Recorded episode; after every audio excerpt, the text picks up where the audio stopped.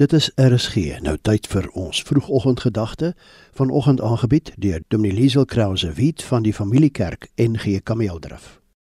My skoonma Letty Wit vertel dat my man Siebert as klein seentjie op 'n keer die Onse Vader aan tafel gebid het.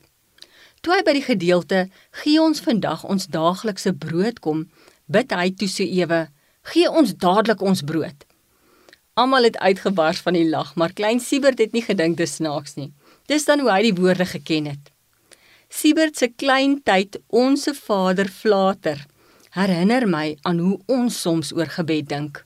Ons dink in baie gevalle verkeerdelik dat wanneer ons bid, moet God reg staan om ons gebede onmiddellik te beantwoord.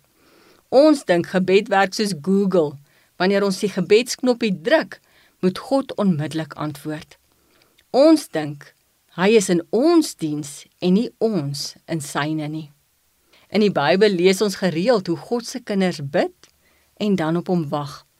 Maar ons is die kitskos en kitsbank generasie. Ons sukkel om te wag. Ons wil alles nou dadelik hê. Hedendaagse mense hou nie daarvan om te wag nie.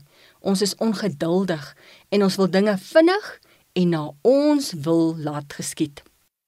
En wanneer God nie dadelik optree nie, dink ons hy luister nie en dan beskuldig ons hom daarvan dat hy nie omgee nie. Maar gebed is baie meer as 'n lysie versoeke aan die Here. Gebed is 'n verhouding met die lewende God. Dis 'n gesprek tussen 'n pa en 'n kind, met die pa wat weet wat die kind nodig het nog voor hy dit vra. Ons leer God op nuwe maniere ken wanneer ons op hom wag. Jy leer hom ken as trooster en as rots die een wat jou staande hou. Wanneer jy op God wag, kry jy wysheid as geskenk. Wanneer jy rus in Hom en wag op Hom, verdiep jou verhouding met God. Hierdie wagtyd is 'n kosbare tyd.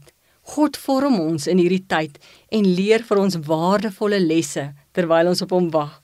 Dis in die tyd wat hy ons vorm soos 'n pottebakker, 'n stuk klei vorm. Om op God te wag is absoluut die moeite werd. Iemand het op 'n keer vir 'n Christen gevra: "Wat baat jy daarby om te bid?"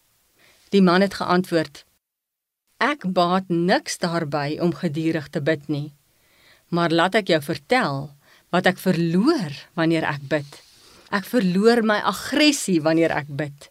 My ego raak al hoe kleiner wanneer ek bid. Ek raak minder depressief as ek bid.